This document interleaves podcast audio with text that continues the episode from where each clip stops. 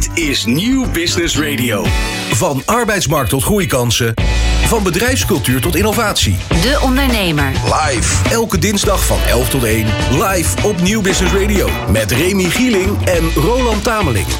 Welkom terug bij het tweede uur van De Ondernemer Live. Zo dadelijk praten we met de eh, vereniging VZN over de veranderingen op de arbeidsmarkt. Gaan we het hebben over claims voor vrachtwagens. Nou, Roland. eh, daar, eh, Kartelvorming. kartelvorming is, wordt er zelf van gesproken. We hebben een automaandabonnement waar we zo meteen alles over gaan leren. En is datagoeroe Job van den Berg hier naartoe op weg om over de verschillende fases van technologie te gaan vertellen. Van calculator tot kunstmatige intelligentie. En we hebben het natuurlijk over de ambitie van restaurant Formule De Beren. We gaan weer snel van start. Van arbeidsmarkt tot groeikansen. Van bedrijfscultuur tot innovatie. De Ondernemer. Live. Elke dinsdag van 11 tot 1. Live op Nieuw Business Radio. De arbeidsmarkt gaat flink op de schop. Zo heeft de minister van Gennep van Sociale Zaken en Werkgelegenheid bekendgemaakt dat contractvormen gaan veranderen. Komt de verplichte AOV voor verzelfstandige verzekering. En aan de lijn Christel van de Ven van de zelfstandige organisatie VZN. Om te duiden wat dit allemaal voor ons gaat betekenen. Christel, ben jij blij met deze ontwikkeling of helemaal niet? Nou, iets wat ertussenin zit. Wat een genuanceerd antwoord. Daar, daar houden we helemaal niet van bij de radio. Nee, dat weet ik. Nee, ehm, kijk, eh, wat er in de brief vooral staat, dat gaat over de arbeidsongeschiktheid voor zelfstandigen. Nou, dat is natuurlijk eh, datgene waar ik over ga. Hè? Want met Ja. VZN vertegenwoordigen wij eh, ruim 120.000 zelfstandige ondernemers. En als ik kijk naar die plannen, dan ben ik eh, zeer teleurgesteld in datgene wat de minister ja, eigenlijk voorstelt. Want voor wie het nieuws niet heeft gevolgd, wat is er nu besloten? Nou, er was al eerder besloten ehm, in het pensioenakkoord nota bene dat er een verplichte verzekering zou komen voor ZZP'ers. En de minister heeft gisteren eigenlijk de details van die plannen wat meer laten weten. En wat daaruit komt is dat alle ZZP'ers zich verplicht moeten gaan verzekeren voor langdurige arbeidsongeschiktheid. Eh, dat gaat in vanaf dat je een jaar ziek thuis bent. Ehm, en ehm, ja, dat wordt dus inderdaad echt een verplichting voor iedereen die werkt eh, als eh, Met een eenmanszaak. Wat gaat dit ondernemers kosten in een hele, natuurlijk een hele, ja, je hebt ze, eh, onder ZZP'ers in alle vormen en maten. Maar wat, waar Ja. moeten we aan denken qua extra lastendruk voor ZZP'ers als dit eenmaal erdoor is? Ja, nou de berekeningen zoals ze er nu uitzien, dan moet je denken aan, eh, dat zegt de minister zelf ook, zo'n 200 euro per maand dat je kwijt bent aan een arbeidsongeschiktheidsverzekering. Nou heb je wel ook weer wat fiscale regelingen, waardoor je dat niet helemaal zeg maar bruto eh, hoeft, of netto hoeft te betalen. Ehm, maar ja, dat verschilt natuurlijk ook een beetje van je inkomsten. Maar denk toch wel dat het ja, qua koopkracht, hè, wat je anders gewoon kan uitgeven aan allerlei andere zaken, dat je dat toch zeker wel aan, eh, aan 100 euro netto per maand moet denken. En wat je daar dan voor hebt, is echt wel een minimale verzekering. Dat wil ik er wel echt bij zeggen. Dus dat zal voor heel veel zelfstandigen eh, overigens ook niet voldoende zijn om echt hun vaste lasten eh, van te kunnen betalen op het moment dat ze echt ziek zijn. Dus dan ben je minimaal verzekerd. Ja, daar kan je een avondje goed van uit eten bij de beren. Ik weet, we kunnen we wel stellen. Wat was er, wat, wat hadden ze moeten doen? Wat is, eh, en, is, en kunnen we hier nog verandering in brengen? Kunnen we nog eh, de, de, de A12 bezetten met alle 120.000 zelfstandigen die zijn aangesloten? Om, eh, om, eh, om eh, ja, hier toch een beetje verandering in te brengen. Wat denk jij? Ja, nou eerst maar eens beginnen met wat, eh, wat hadden ze moeten doen. Ja, kijk, wij vinden eigenlijk dat het eh, zo'n verplichte arbeidsongeschiktheidsverzekering voor ZZP'ers, dat wordt dan weer een beetje bijgeplust op een toch al krakkemikkige arbeidsmarkt. Nou, wij dringen eigenlijk aan op stevigere hervormingen en wij vinden dat het mooiste zou zijn geweest een collectieve basisvoorziening voor alle werkenden. Net zoiets als we nu de AOW hebben voor als je oud wordt, zou je dan ook een collectieve voorziening kunnen hebben voor als je langdurig ziek bent. Hebben ze niet gedaan. Zijn ze gegaan naar een verplichte verzekering voor ZZP'ers. En dan met slechts een wachttijd van een jaar. Ja, wij zeggen ook, als je dan een verplichte verzekering doet, pak dan een wachttijd van twee jaar. Want 95% van de zieke ondernemers is binnen twee jaar gewoon weer op de been en aan het ondernemen.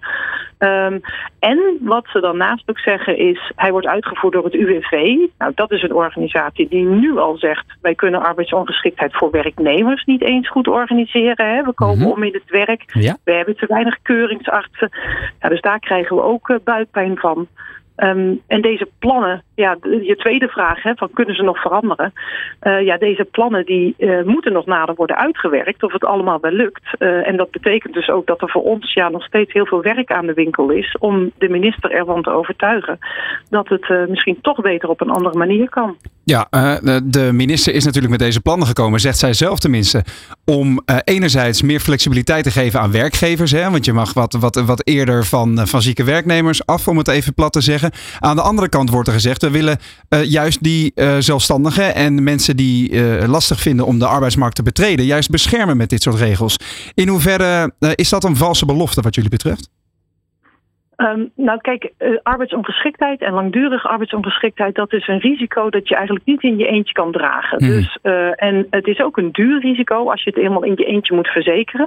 Dus als je het zeg maar, met z'n allen heel solidair kan opbrengen, zo'n verzekering, voor iets wat gelukkig maar weinig mensen treft. Maar als het je treft, dan ben je wel echt een pineut. Ja. Dat is best wel een goede gedachte. Dus dat vinden wij helemaal niet, eh, niet verkeerd.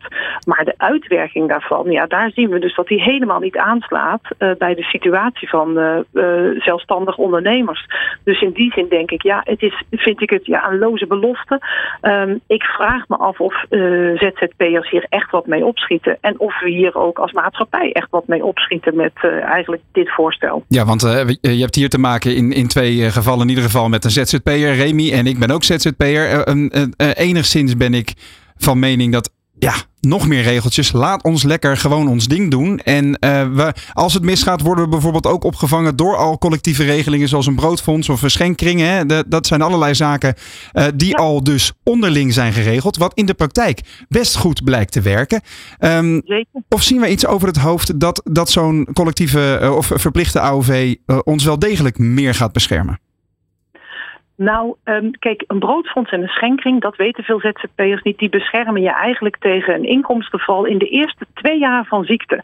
Ehm, eh, op het moment dat je echt langdurig arbeidsongeschikt bent, hè, dus dat je echt gewoon niet meer kan werken of maar een heel klein beetje kan werken, ja, dan voldoet zo'n broodfonds of zo'n schenkring niet. Maar wat wij heel raar vinden is dat de minister nu heeft gekozen voor een wachttijd van één jaar. Want precies wat je zegt. Er zijn heel veel zelfstandigen die hebben voor die eerste twee jaar, dat is gewoon ondernemersrisico. En dat hebben ze gewoon op eigen wijze al heel goed afgedekt. Met een broodfonds. Of mensen hebben soms gewoon een grote buffer. Dus die zeggen, ja, die eerste twee jaar kan ik zelf wel uitzingen. Of ik heb het met mijn partner geregeld. Hè. Dus ehm, we zien gewoon dat de minister eigenlijk het, eh, het brilletje van werknemerschap plakt op weer ondernemers. Maar wij ondernemers zijn toch wel een heel ander type werkende dan werknemers. En dat lijkt gewoon Ja. nog steeds onvoldoende door te dringen. Zo blijkt maar weer. De politiek heeft nog steeds niet zijn vingers op de juiste plekken in de samenleving als het gaat over ondernemerschap. Hopelijk kunnen wij daar nog verandering in brengen. Misschien Caroline een telefoontje geven om hier nog eventjes extra aandacht aan te besteden in de Eerste Kamer. Ik weet het niet. Dankjewel in ieder geval voor je toelichting vandaag. Christel van der Ven van VZN. De Ondernemer De Ondernemer live. op Nieuw Business Radio. Marjolein Mens, je bent van restaurant Formule De Beren. We hebben al een uur lang met elkaar doorgebracht over je hele carrièrepad. Maar we beginnen uur 2 altijd graag met onze hoofdgast met een aantal stellingen. Is het wel eens voorgekomen dat je een De Beren restaurant binnenliep en dat je niet tevreden was? En wat deed je toen? Ja, ehm, het gesprek aangaan. Wat viel er tegen? Ja, wat viel er niet tegen? Was toen wel echt... eh, Welke ja, was dit? ja, dat, dat ga ik maar niet zeggen. Maar eh, nee, ja, tuurlijk. Je ziet altijd dingen als je ergens komt. Dus eh, ja, je bent Ook een beetje kritisch. beroepsdeformatie misschien. Ja, ja, dat klopt. Ja. Een compleet veganistische De Beren is in de toekomst niet uit te sluiten. Absoluut niet, nee. Marketing mag best een beetje schuren. Ik heb al een boodschap gehad die niet bij iedereen goed was gevallen. Ja, zeker weten. Wij zijn een merk met een knipoog en we zoeken de randjes graag op. Gaan we het zo meteen over hebben. Een De Beren restaurant in het buitenland zit er aan te komen. De Bears. Mm, De Beren. nou, de naam is al wel eh, vastgelegd internationaal, maar Ja. nee, nog geen concrete plannen. Nee. Oké. Als je één beroemdheid zou mogen uitnodigen om te dineren bij eh, een De Beren restaurant, wie zou dat dan zijn en waarom? Oh, een beroemdheid. Ja, eh Brad Pitt, omdat hij eh, knap is. We sturen hem een appje. Als je De Beren zou moeten omschrijven in drie woorden, welke woorden zijn dat en waarom? Bruisend, ondernemend, eh, toegankelijk. Als je één dag in de schoenen van een van je medewerkers zou mogen staan, of zou staan, welke functie zou je dan kiezen en waarom? Nou, eh, dat is binnenkort werkelijkheid. Want wij nemen als servicekantoor de Berenhouten over. Die had een 100% score, zowel diversity als een interne audit. En eh, ja, ik ga daar eh, aan de ontvangst eh, staan. Dus eh, Nou, dat is goed om te horen, want onze schakeltechnicus eh, Frank achter de schermen, die gaat daar morgen naartoe. ja, kijk. Maar jij gaat daar zelf staan. En wat, wat ga, dan, dan, eh, eh, hoe lang bijvoorbeeld? een eh, hele avond. Zij gaan lekker op teamuitje. En wij nemen als heel kantoor eh, de vestiging over. Mooi, want deze volgende stelling heeft daar wel een beetje mee te maken. Deze bijzondere ervaring heeft mij het meest geïnspireerd bij de beren en helpt mij in mijn rol als COO. Ehm, ja, toch wel het ondernemerschap. Ja, dus zelf ondernemen binnen de beren. Heel goed. Stel dat je een ehm, superkracht zou kunnen kiezen om je werk bij de beren makkelijker te maken. Oeh, Wat zou je kiezen? mezelf Wat- opsplitsen. Mooi. ja. En dan de laatste. Als je één ding zou kunnen veranderen in de horeca-industrie als geheel, dan zou dat zijn. Horeca weer echt een vak maken in Nederland. En eh, geen bijbaan. Mooi. Want dat, ja, dat mis ik eigenlijk ook een beetje. Ik heb in, wat jij al zei, Roland, in uur 1, dat Ja. De Het- gastheer. de gastheer, of de gastdame natuurlijk. Zeker. Dat, dat, ik, ik heb eentje bij mij dan in het, eh, in het, in het centrumpje. Eh, daar zit inderdaad een restaurant en daar is altijd één gastheer. En die, eh, dat, dat, die maakt echt de sfeer daar. Ja, En ook als je in het buitenland komt, heb je dat veel meer. Dat er inderdaad echt iemand staat met heel veel ervaring. Die, ja, voor, met, met hart voor de zaak. Ja. Terwijl het in Nederland toch vaak een bijbaan is. Is daar, zie, zie je daar verandering in? Of is dat nog steeds eigenlijk een beetje de status quo waar we in zitten? Ja, het is zeker wel de status quo waar we nu in zitten. Nou moet ik zeggen dat wij daar wel zelf invloed op proberen uit te oefenen. Dus wij hebben al sinds jaar en dag de Beren Academy, waarin we zelf mensen opleiden. Dus het is wel vaak zo dat als jij, eh, als mensen weten dat je bij de Beren hebt gewerkt, dat ze denken, nou, eh, jou willen we wel aannemen, want dan heb je in ieder geval eh, de beste basis gelegd. Wat, wat, voor, wat voor basisdingen moet ik dan aan denken? Aangezien ik niet uit de horeca kom. Ehm, nou, waar, wat, waar wij vooral op aansturen is dat je vooral met je hart moet denken en niet eh, te veel met je hoofd. Dus je moet er echt achter zien te komen. Wat komen mensen nou, eh, deze mensen aan deze tafel nou precies doen? Hebben ze misschien iets te vieren?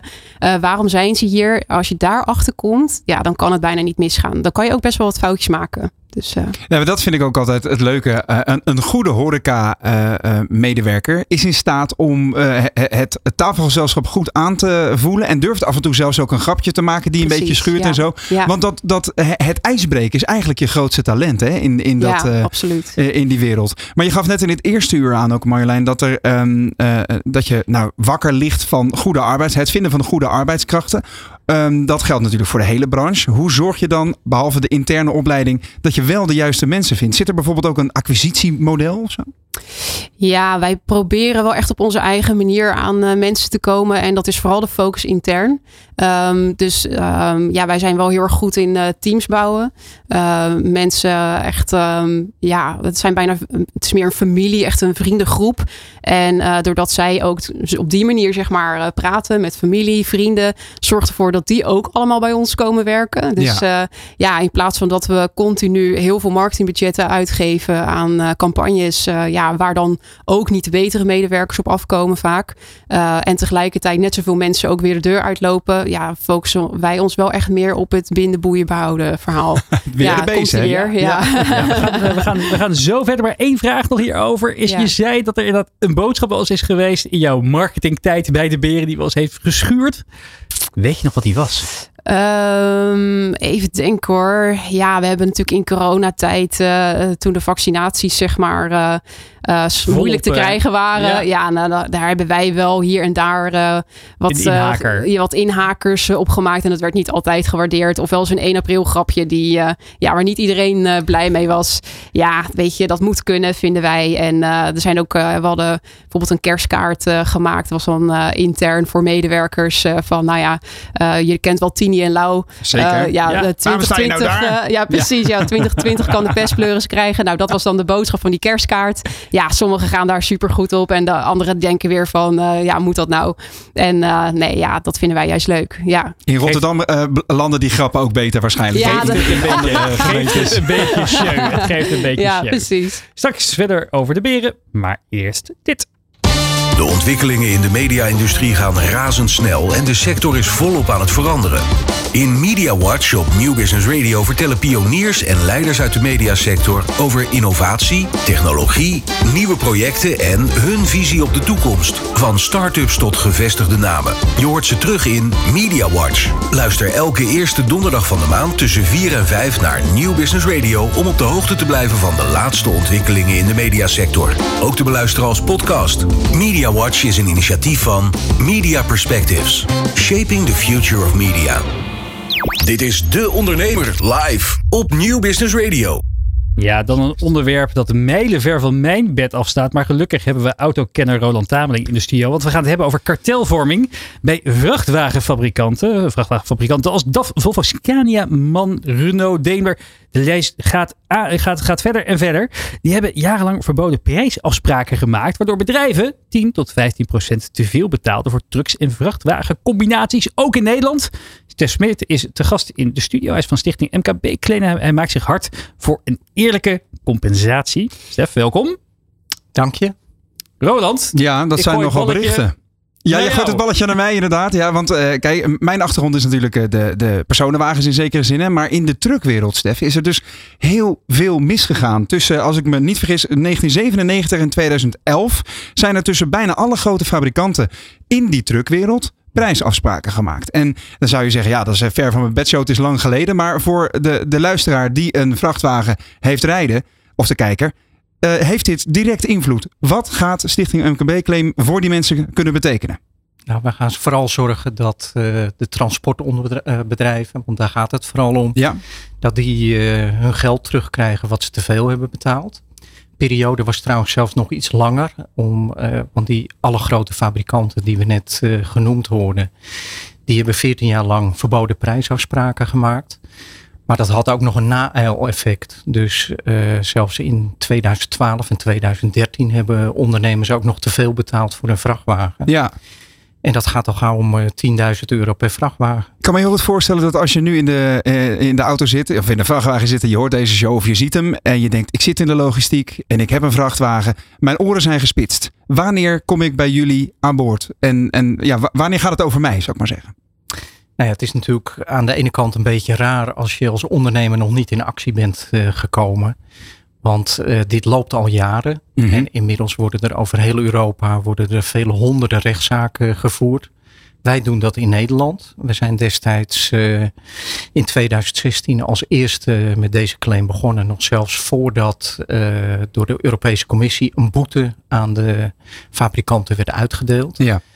Even uit mijn hoofd, ik geloof dat ze bij elkaar iets van 3,8 miljard aan boetes hebben gekregen. Dus wat dat betreft hebben de fabrikanten hun trekken al thuis uh, gekregen. Uh, maar ja, daarmee zijn de ondernemingen die zelf een vrachtwagen hebben gekocht nog niet geholpen. En dat, dat doen wij. Ja. En wat een ondernemer alleen maar hoeft te doen, is dat hij naar de website van MKB Claim gaat. Of, dat moet ik er ook eerlijk bij zeggen, of een andere partij. Mm -hmm. Want er zijn meer partijen die opkomen voor gedupeerde uh, eigenaren van vrachtwagens. Ja. En dan kan je je online, online aanmelden en dan doe je mee. Zo eenvoudig is het. Maar jullie hebben het over 10 tot 15 procent dat uh, die mensen te veel hebben betaald hè, in de aanschafwaarde van hun truck. Ja. Is al, zijn al die procenten terug te halen? Ja, wij denken zeker. Uh, we hebben er uitgebreid onderzoek naar gedaan. Er zijn meer dan 3000 bedrijven die bij ons meedoen met deze claim. Ja. En die bedrijven hebben ook hun aankoopfacturen hebben ze naar ons uh, opgestuurd. Of hun leasecontracten. Want het gaat niet alleen, je hebt niet alleen te veel betaald als je hem gekocht hebt. Maar ook als je geleased hebt. Ja, de maandtermijnen waren ook hoger. Precies, ja. precies. Al die bedrijven hebben hun facturen aan ons uh, opgestuurd. Die hebben wij in een hele grote database gestopt. En die hebben we door een economisch bureau laten doorrekenen. En daarmee kunnen we ook keihard aantonen dat uh, inderdaad daar een kunstmatige ontwikkeling in die prijzen heeft gezeten. Ja. En dat er echt een bedrag bovenop kwam. Maar onvoorstelbaar dat dit zo lang heeft kunnen aanmodderen in die wereld. Hoe kan dat ten eerste en hoe is het aan het licht gekomen, Stef? Nou, het is aan het licht gekomen. Wat ik net al zei, uiteindelijk is er een, een boete uitgedeeld ja. aan die fabrikanten. Maar er is één bedrijf geweest die de boel verklikt heeft. Uh, dus die heeft eerst jarenlang geprofiteerd ja. van dat kartel en de afspraken. Die en toen uit de rijdende hebben. vrachtwagen gesprongen. Nou, dat, uh, het was de Duitse fabrikant MAN. Ja. En die is naar de Europese Commissie gestapt. En die heeft dus het, uh, het kartel onthuld.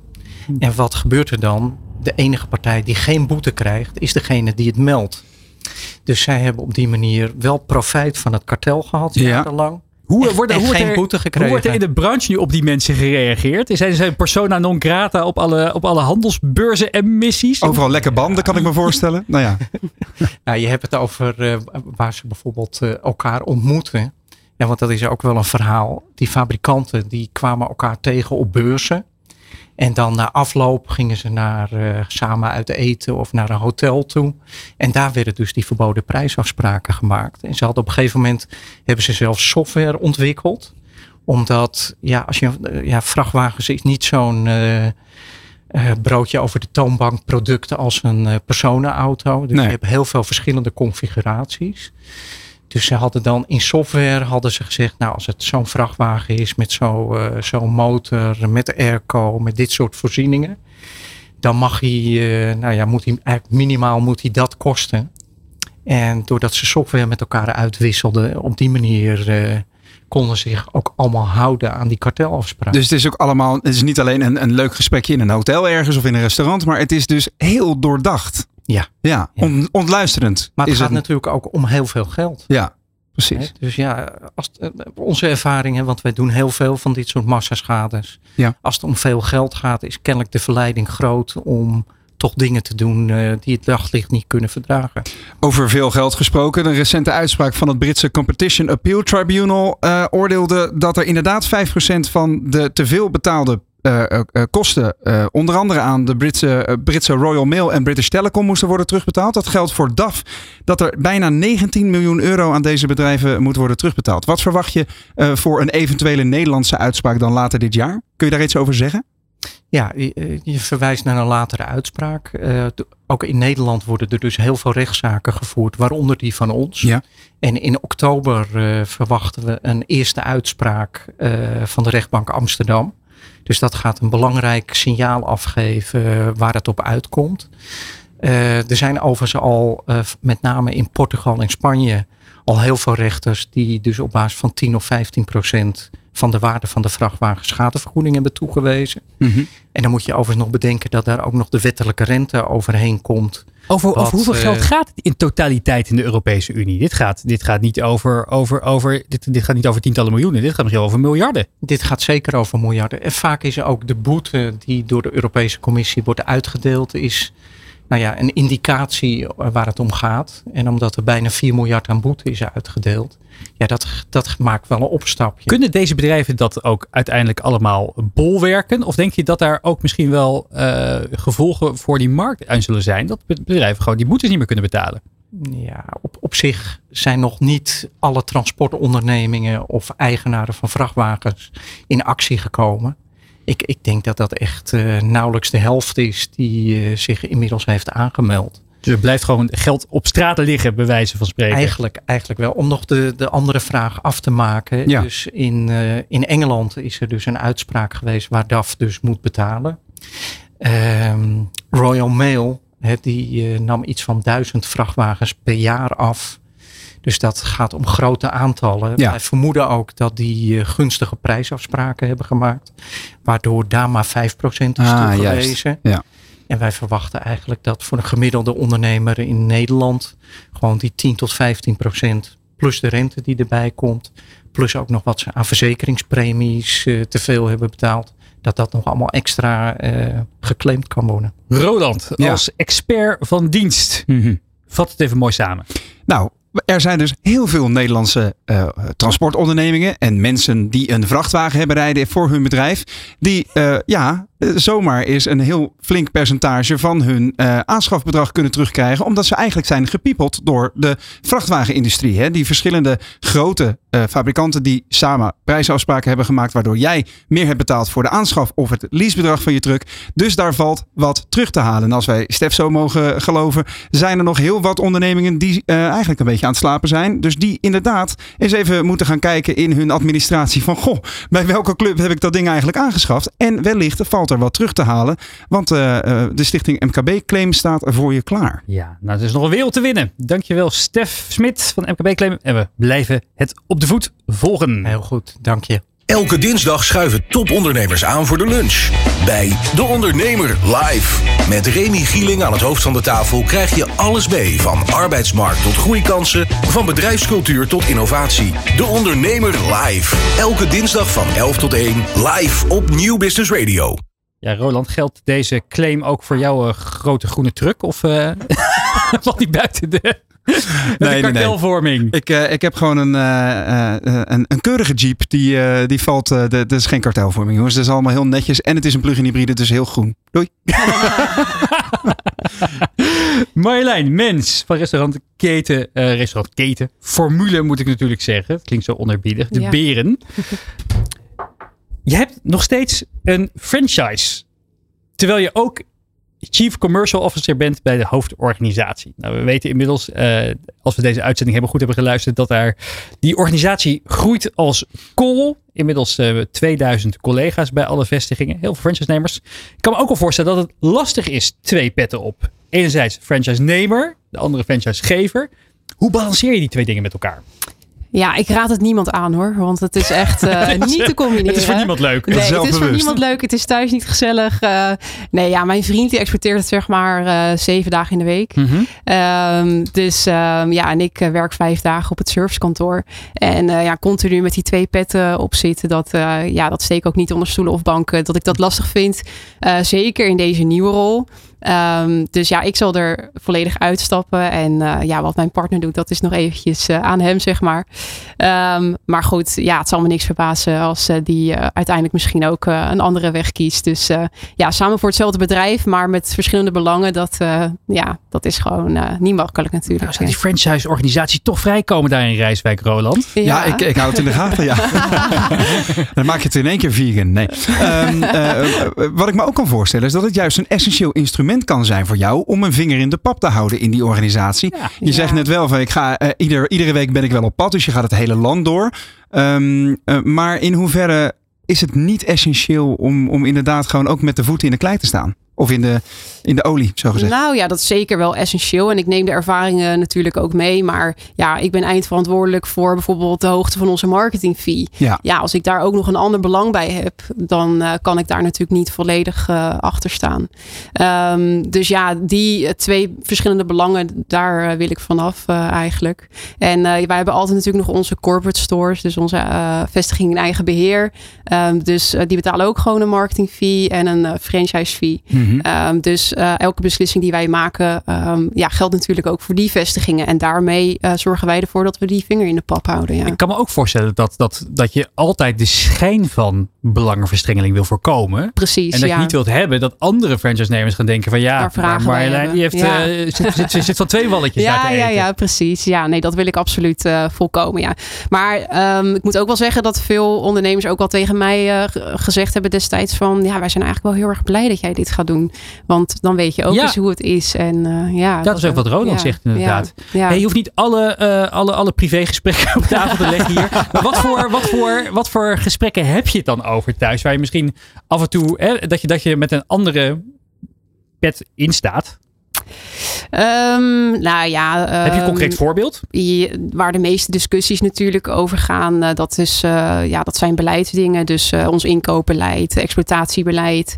Um, maar ook inderdaad de hoogtes van onze fees. Ja, daar kan het zeg maar een beetje ja, die gezonde discussie ontstaan. Van ja, waarom doen jullie het zo en niet zo? En Ja, dus ja, je wilt thuis gewoon niet dat soort gesprekken voeren. Ik vind het prima, Na een zeg lange maar, op werkdag, werk. dan Ja, maar- plof je op de bank neer. Precies, moet je nog ja, een keertje en dan gaat het contracten, daarover. ja. Ja. dus eh, ja, en natuurlijk eh, mensen vinden ook heel veel van wat wij op de menukaart zetten. En eh, eh, ja, bij de ene vestiging loopt iets natuurlijk wel goed en bij een andere weer helemaal niet. Nou, als je het dan hebt over vegan, nou ja, eh, in sommige vestigingen loopt dat natuurlijk als een trein. En bij anderen die zeggen, ja, maar ik verkoop dat helemaal niet hier en ik zit in een dorp en eh, niemand is vegan. Ja. Dus ehm, ja, daarin moet je toch altijd wel een beetje de balans zoeken. Ja. Ja. Voordat ik naar buiten ga, zo voor de ondernemer onderweg, ben ik nog even benieuwd. Waar zou het merk De Beren nog sterker kunnen? Oh, mooi. vraag. Nou, dat hebben wij natuurlijk eh, gemeten. Dat dacht ik wel. ehm, ja, dan moet ik, eh, nou, vooral in Friesland, zeg maar. Eh, ja, er zijn wel provincies waar we nog ja, slechts één vestiging hebben. We zitten wel in elke provincie. Ja. Maar daar kennen ze ons gewoon niet goed genoeg. Dan moeten we nog heel erg uitleggen wie en wat we zijn en wat we doen. Ehm, dus ja, daar, daar moeten we ook meer investeren in, in onze naamsbekendheid. Maar dan heb je het geografisch eh, over ja. De, de, de kracht van, de, van het merk. Maar inhoudelijk, zeg maar, zou er nog een element zijn van de naam of van de term of van wat de beren precies is, wat jij zou willen versterken de komende jaren? Ehm, vooral het ondernemende. Dus eh, wij vinden het heel erg belangrijk dat eh, locaties een local hero hebben. En wij vinden het ook belangrijk dat jij echt in de community eh, zit van jouw eh, ehm, omgevingsgebied. Dus dat jij ook eh, de sport, eh, de lokale sportclub sponsort. Dat je dan ook actief bent in de ondernemersvereniging. En echt het gezicht van jouw zaak bent. Dus eh, Dus weer de mens. ja, weer de mens. Ja. De mens achter de beer. Dat Ja, lijkt me een heel ja. mooi moment inderdaad voor Ronald om vast naar buiten te gaan. Om zo meteen naar, eh, naar eh, het, de ondernemer onderweg toe te gaan. En terwijl Roland zich omkleedt met de zogeheten Comrex, de mobiele microfoon die we daar altijd voor gebruiken, was ik nog even benieuwd Marjolein. Van, je hebt natuurlijk een, een, een enorme marketingpad op en je hebt ook een enorm marketinghart.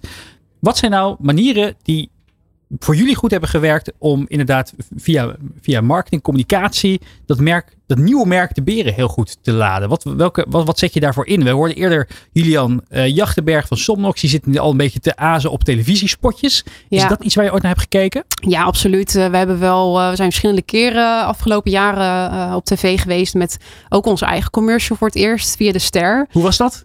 Ja, echt mega. Als je dat ziet, inclusief we doen natuurlijk op dat moment ook andere communicatie, dus de snelwegmasten, radio, eh Ja, en als je overal je eigen merk tegenkomt en je eigen uitingen en het klopt allemaal, dan eh, ja, daar gaat zeker mijn hart sneller van kloppen. Dat ja. snap ik wel. Ja. Die prachtige zendmast op de achtergrond werd, eh, werd uit, uiteraard gebruikt om die reclamecommercial in de ether eh, te verspreiden. Ja. Wat, wat voor effect zag je daar dan van?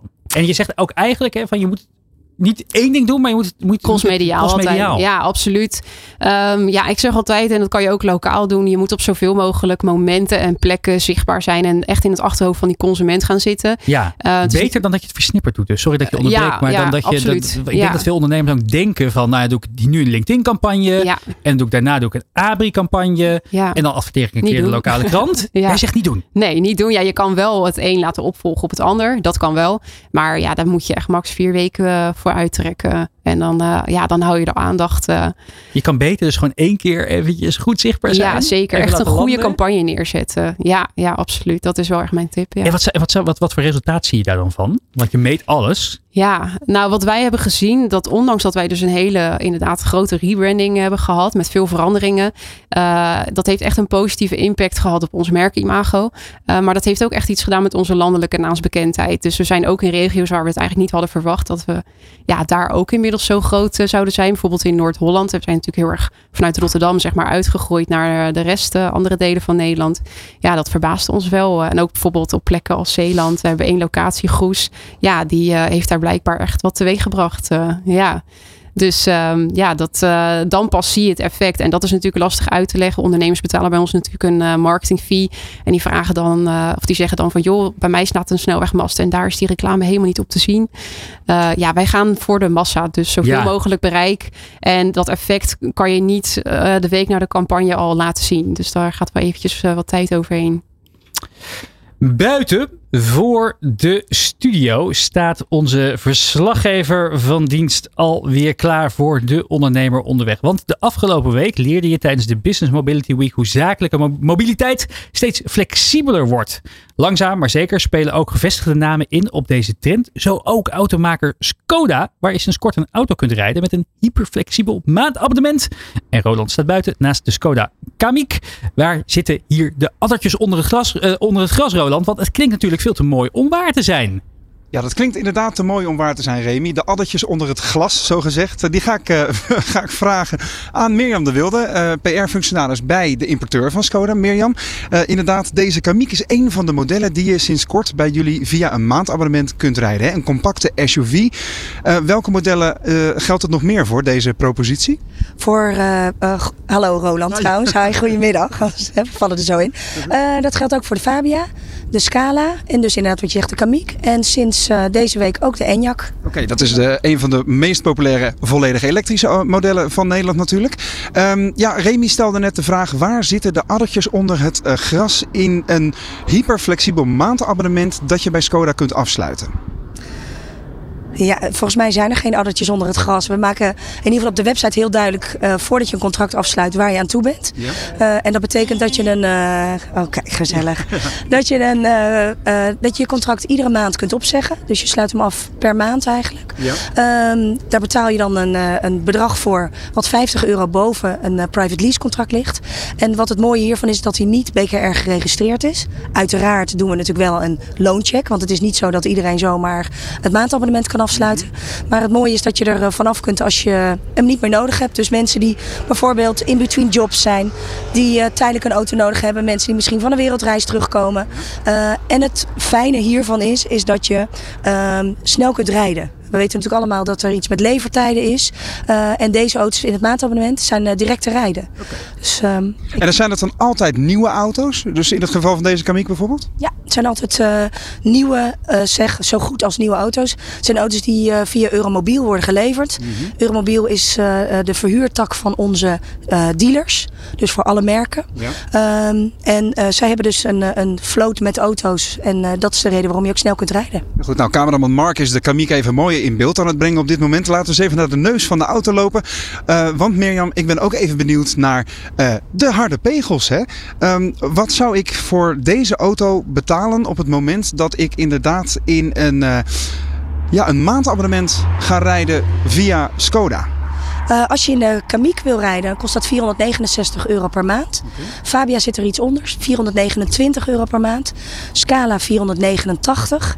En de Enyaq die ik net noemde, dat is een Enyaq 60. Ja. 699 euro per maand. Oké, en jij gaf net aan, het is 50 euro boven een eh, private lease abonnement. Hè? Eh, of, ja, want een private lease eh, constructie loopt natuurlijk veel langer, vier tot vijf jaar vaak.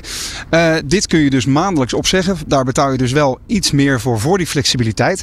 En wat voor, jij zei net al mensen die in between jobs zitten, maar zijn er ook echt al zakelijke klanten die aanhaken op dit idee? Daar hebben wij geen cijfers over. Ehm, nou is het wel zo, we zijn natuurlijk pas in januari begonnen. Dus eh, we zijn nu nog aan het leren van welke mensen komen er op ons af. Sinds gisteren zijn we op televisie. Dus ik eh, denk dat iedereen onze commercial vast gezien heeft. Als we nog lekker lineair kijken. Ehm, eh, dus we verwachten wel de komende tijd dat er veel meer eh, contracten worden afgesloten. En dus dat we ook veel meer gaan leren. Ja. Wat voor soort mensen eh, hier gebruik van gaan maken. Ja, nou is het zo dat de ehm, propositie die jullie hebben met eh, private lease al heel succesvol is. Met name bij een merk als Skoda natuurlijk. Dat zijn toch de, de mensen die het prettig vinden om precies te weten wat ze per maand kwijt zijn. Ehm, waarom zagen jullie zakelijk gezien ruimte voor deze extra vorm van autorijden? Nou ja, met name omdat eh, mensen steeds meer gewend zijn om abonnementen af te sluiten eh, op, op zaken die ze nodig hebben. Kijk naar Spotify, kijk naar Netflix. Eh, dus we zien dat die flexibiliteit heel belangrijk is. En mensen eigenlijk niet voor de komende twee, drie, vier jaar overeenkomsten aan willen gaan. En dit is gewoon een hele laagdrempelige manier om nou ja, sowieso met ons merk in contact te komen.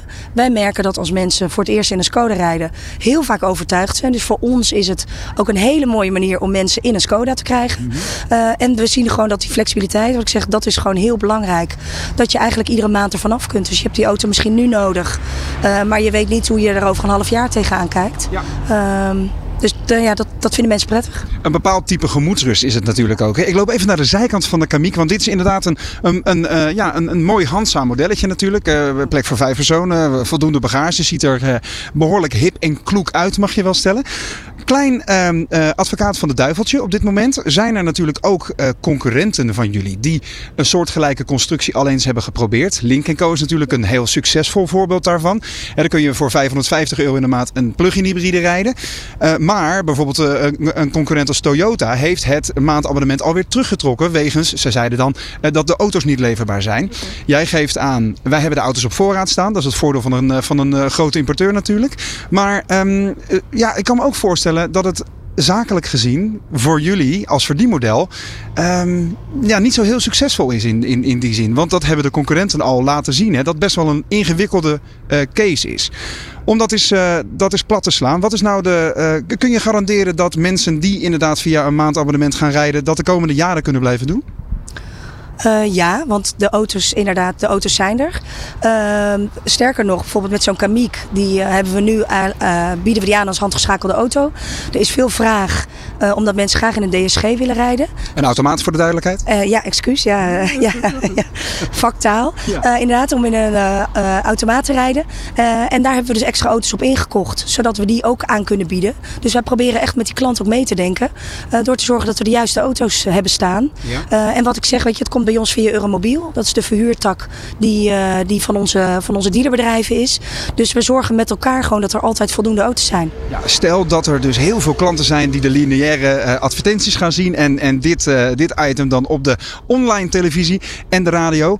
dan is het ook mogelijk om vanuit jullie organisatie snel op te schakelen. Ja, zeker. Uiteraard. Ja, daar zijn we voor. Zijn er nog dingen die we zijn vergeten die je zou, ze- zou zeggen, goh, eh, ondernemer die kijkt of luistert, dit moet je nog even weten over deze propositie?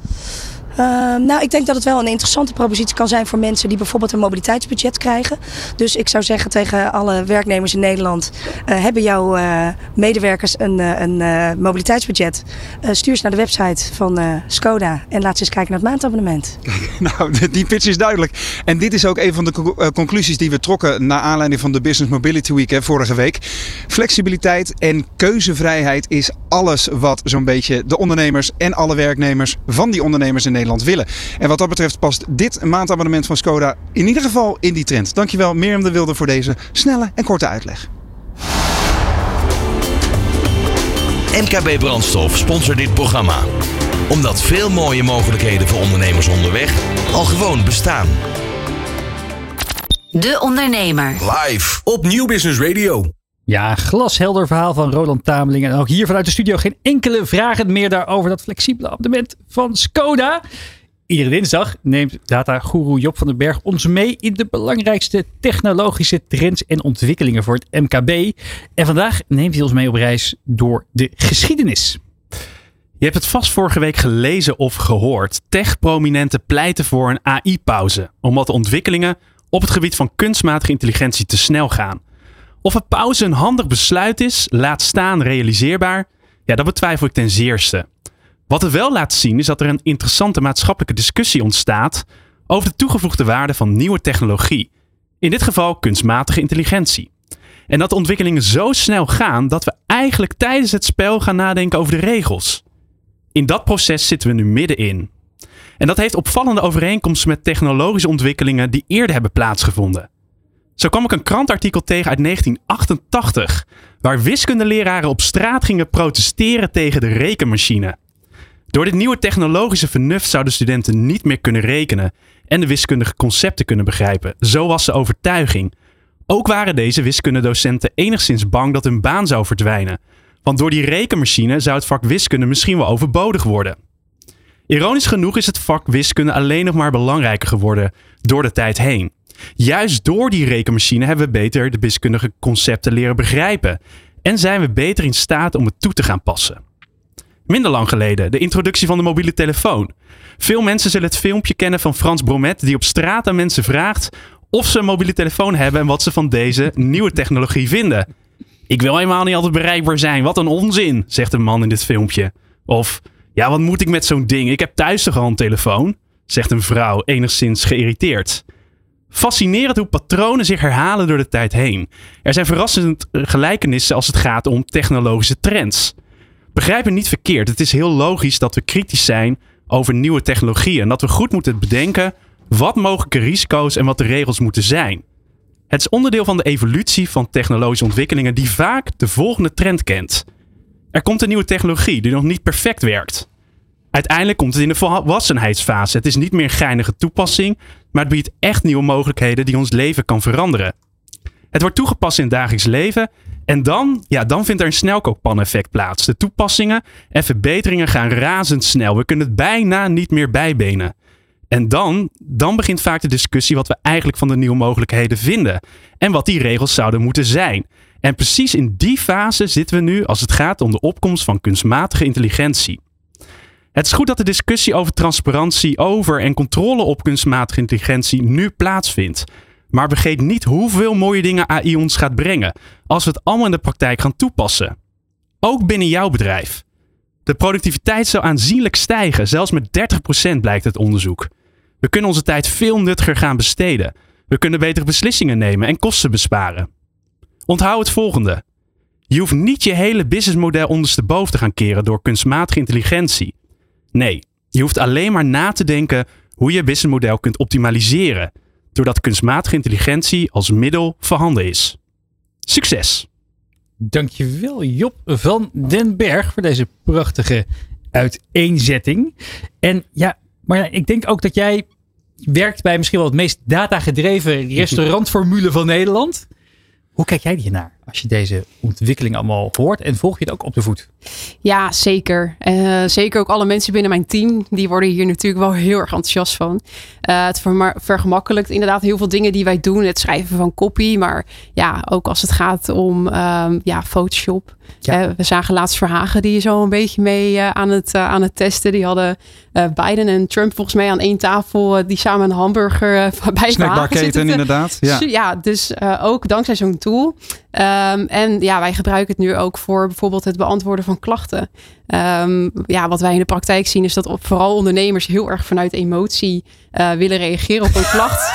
Nooit doen. Je snapt het Nooit niet. Doen. Ja, je inderdaad. Ja, dat is helemaal niet zo. Het was een heerlijke hamburger. Ja, ja. ja dus die uh, zetten gewoon die klachten in. Ja, maak een uh, reactie op deze klacht. En er rolt iets uit. En hoep.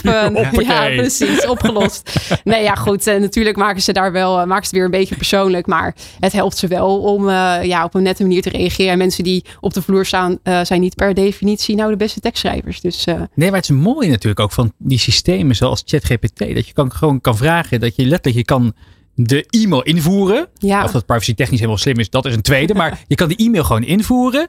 Je kan vra en vragen van schrijf hier een empathische reactie op. Ja. ja.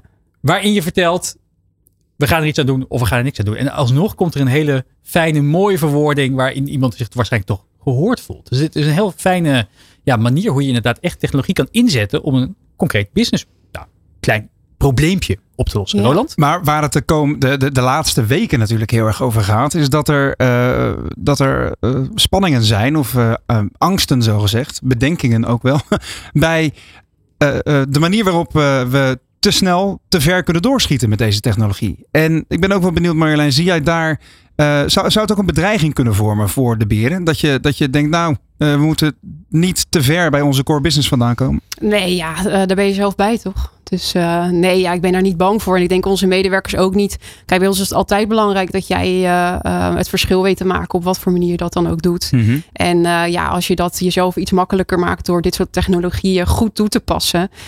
ja, je moet gewoon kijken binnen jouw businessmodel. Hoe kunnen we dit nou het beste inzetten? En wat past wel en niet bij ons? Um, dus ja, wat ik zei, weet je, een klacht beantwoorden. Ja, het moet niet onpersoonlijk worden. Want dan ja, past het weer niet bij ons merk. En heb je bij die toepassing ook eens gekeken hoeveel tijd je daarmee hebt bespaard? Hmm. Of heb je het meer nu uitgeprobeerd om eens te kijken of het werkte? Um, nou ja, we hebben wel um, onlangs is een content marketeer bij ons uh, vertrokken. En die was echt heel erg sterk in uh, slogans bedenken, dat soort dingen, woordgrapjes. En uh, te, ja, dan hadden wij ook wel zoiets van, jeetje, ja, wie gaat dit nu? Ja, die goot overal dat berensausje overheen, zoals wij dat dan zelf noemen. Dacht, oké, okay, wel een uitdaging. Nou ja, iemand op social die die functie nu een beetje combineert.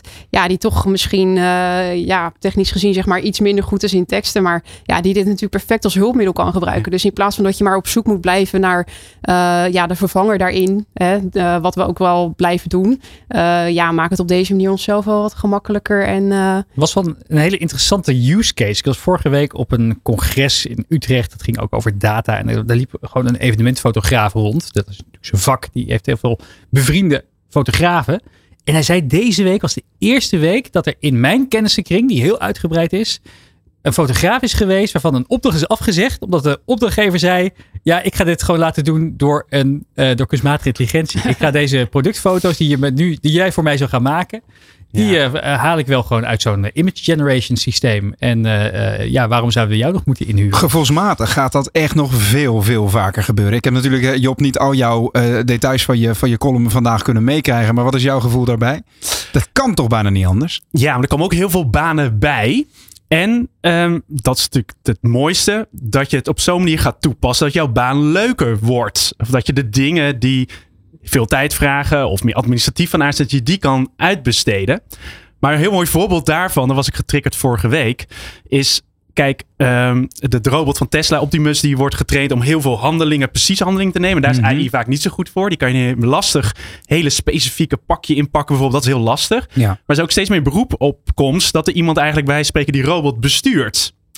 En daarmee eh, sla je twee vliegen in één klap. Je gaat zeg maar, een mens gaat een robot besturen. Dat wordt echt een, een beroep die belangrijker wordt. Maar tegelijkertijd train je dan ook die, die robot. Want die is de hele tijd die handeling aan het doen. En die, die noteert dat zeg maar. En die bouwt het model erop. Waardoor uiteindelijk wel een moment misschien gaat komen dat die robot het gaat doen. Maar ik, ik heb de- niet de illusie dat... Er komt altijd weer het nieuws en we worden alleen maar slimmer Maar- en sneller daardoor. Ja, maar het, het voorbeeld dat Remy net geeft over die fotograaf, die, daar wordt gewoon een pijler van zijn eh, bestaansrecht onder hem uitgeschopt. Ja, die, die fotografen moeten nadenken van oké, hoe kan ik dit gebruiken? Dus niet zeg maar aankijken van oh nee, mijn baan verdwijnt. Maar hoe zou ik dit kunnen gebruiken in mijn businessmodel? Dus misschien moet hij dat juist wel incorporeren en bedenken van... Dat hij misschien wel de allerbeste AI image generation Precies. prompt writer van Nederland gaat worden. Of zij natuurlijk, dat weten we niet of het hij is. Wat je inderdaad ziet, denk ik, en dat hoor je ook, eh, dat heeft eh, eh, Sam Altman, de CEO van OpenAI, de ontwikkelaar Mhm. van ChatGPT, laatst ook gezegd. Inderdaad dat AI inderdaad heel veel banen zal gaan allereerst voor doen veranderen.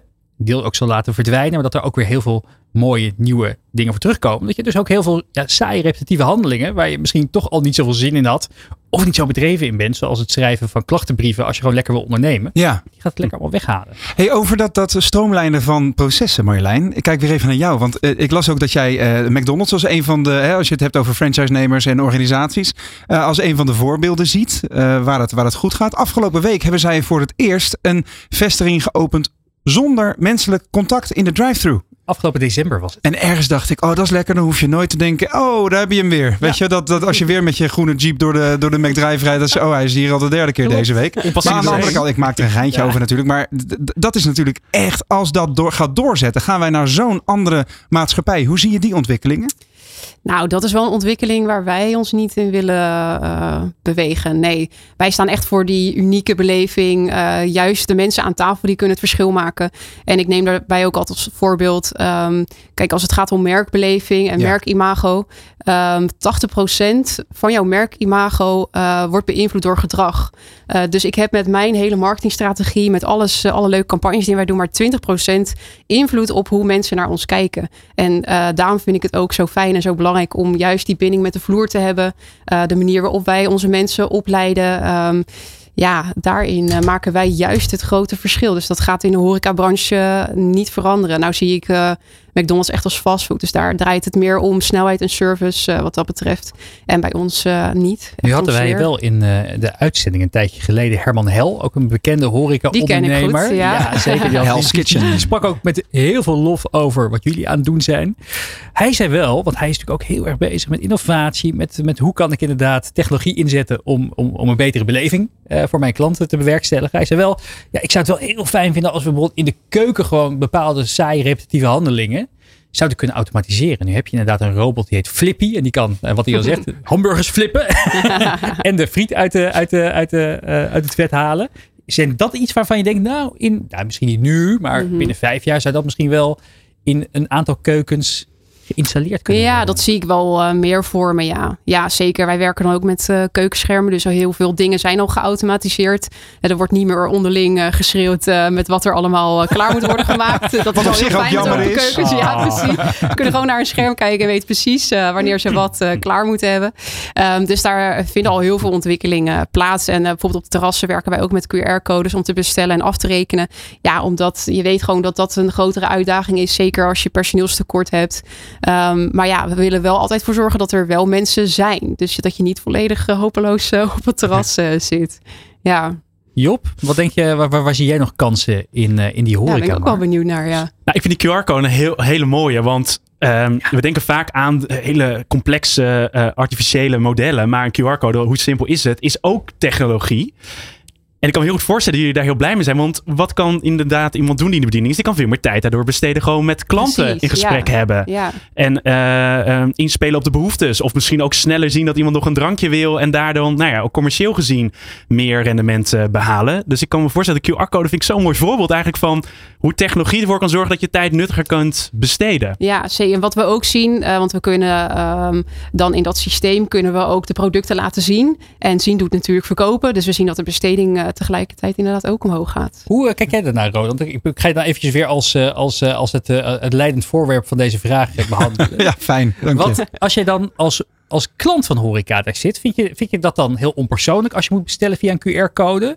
Of denk je, en dat is zoals ik, ik vind het wel heel lekker efficiënt. Nou, dat brengt me terug bij mijn opmerkingen aan het begin van deze uitzending. Hè. Toen zei ik, joh, het belangrijkste element van mijn horecabezoek zijn de mensen. En eh, weet je, vroeger hadden wij een stamkroeg in Delft. Daar ging je naar, eh, eh, naartoe omdat de uitbater wist wat je vorige week vrijdag met hem besproken had.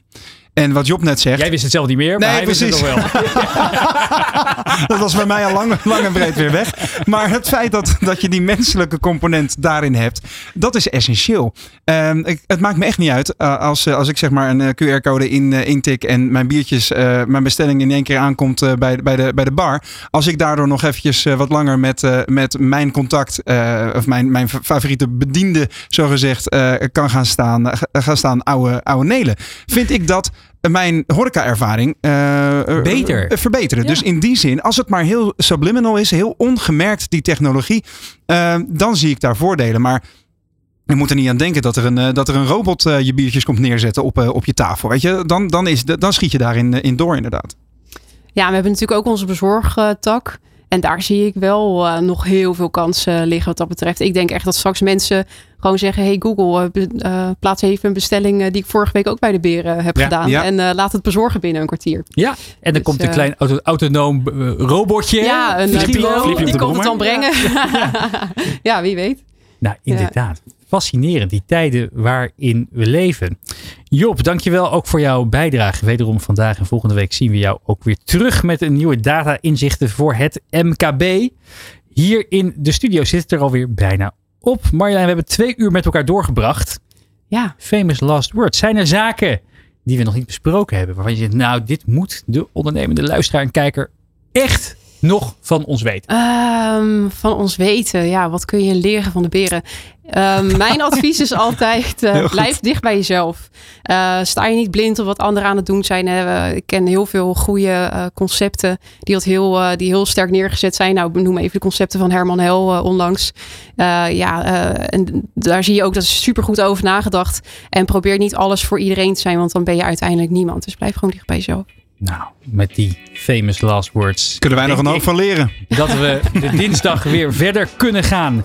Marjolein, dankjewel voor je tijd Graag hier gedaan. vandaag. Heel leuk Ontzettend leuk om eh, met jou te praten over de beren en over je rol. En heel veel succes eh, met de, alle discussies thuis. Ze, zijn, ze lopen af, dus houd hoop. Ro- eh, Roland, volgende Ja. week weer een bijzondere uitzending. Zeker. Nou, ik wil nog eventjes even een compliment geven aan, aan Marjolein ook. Want ik vind jouw jouw visie en, en hoe je daaraan vasthoudt, vind ik zo eh, eh, inspirerend. En dat je dat weet terug te brengen naar drie woorden. Binden, boeien en behouden. Dat is feitelijk echt... eh, en, en ook nog eens weten allitereren bij de beren. Eh, ik, vind het, eh, ik vind het mooi. Dankjewel, Dankjewel. voor je komst.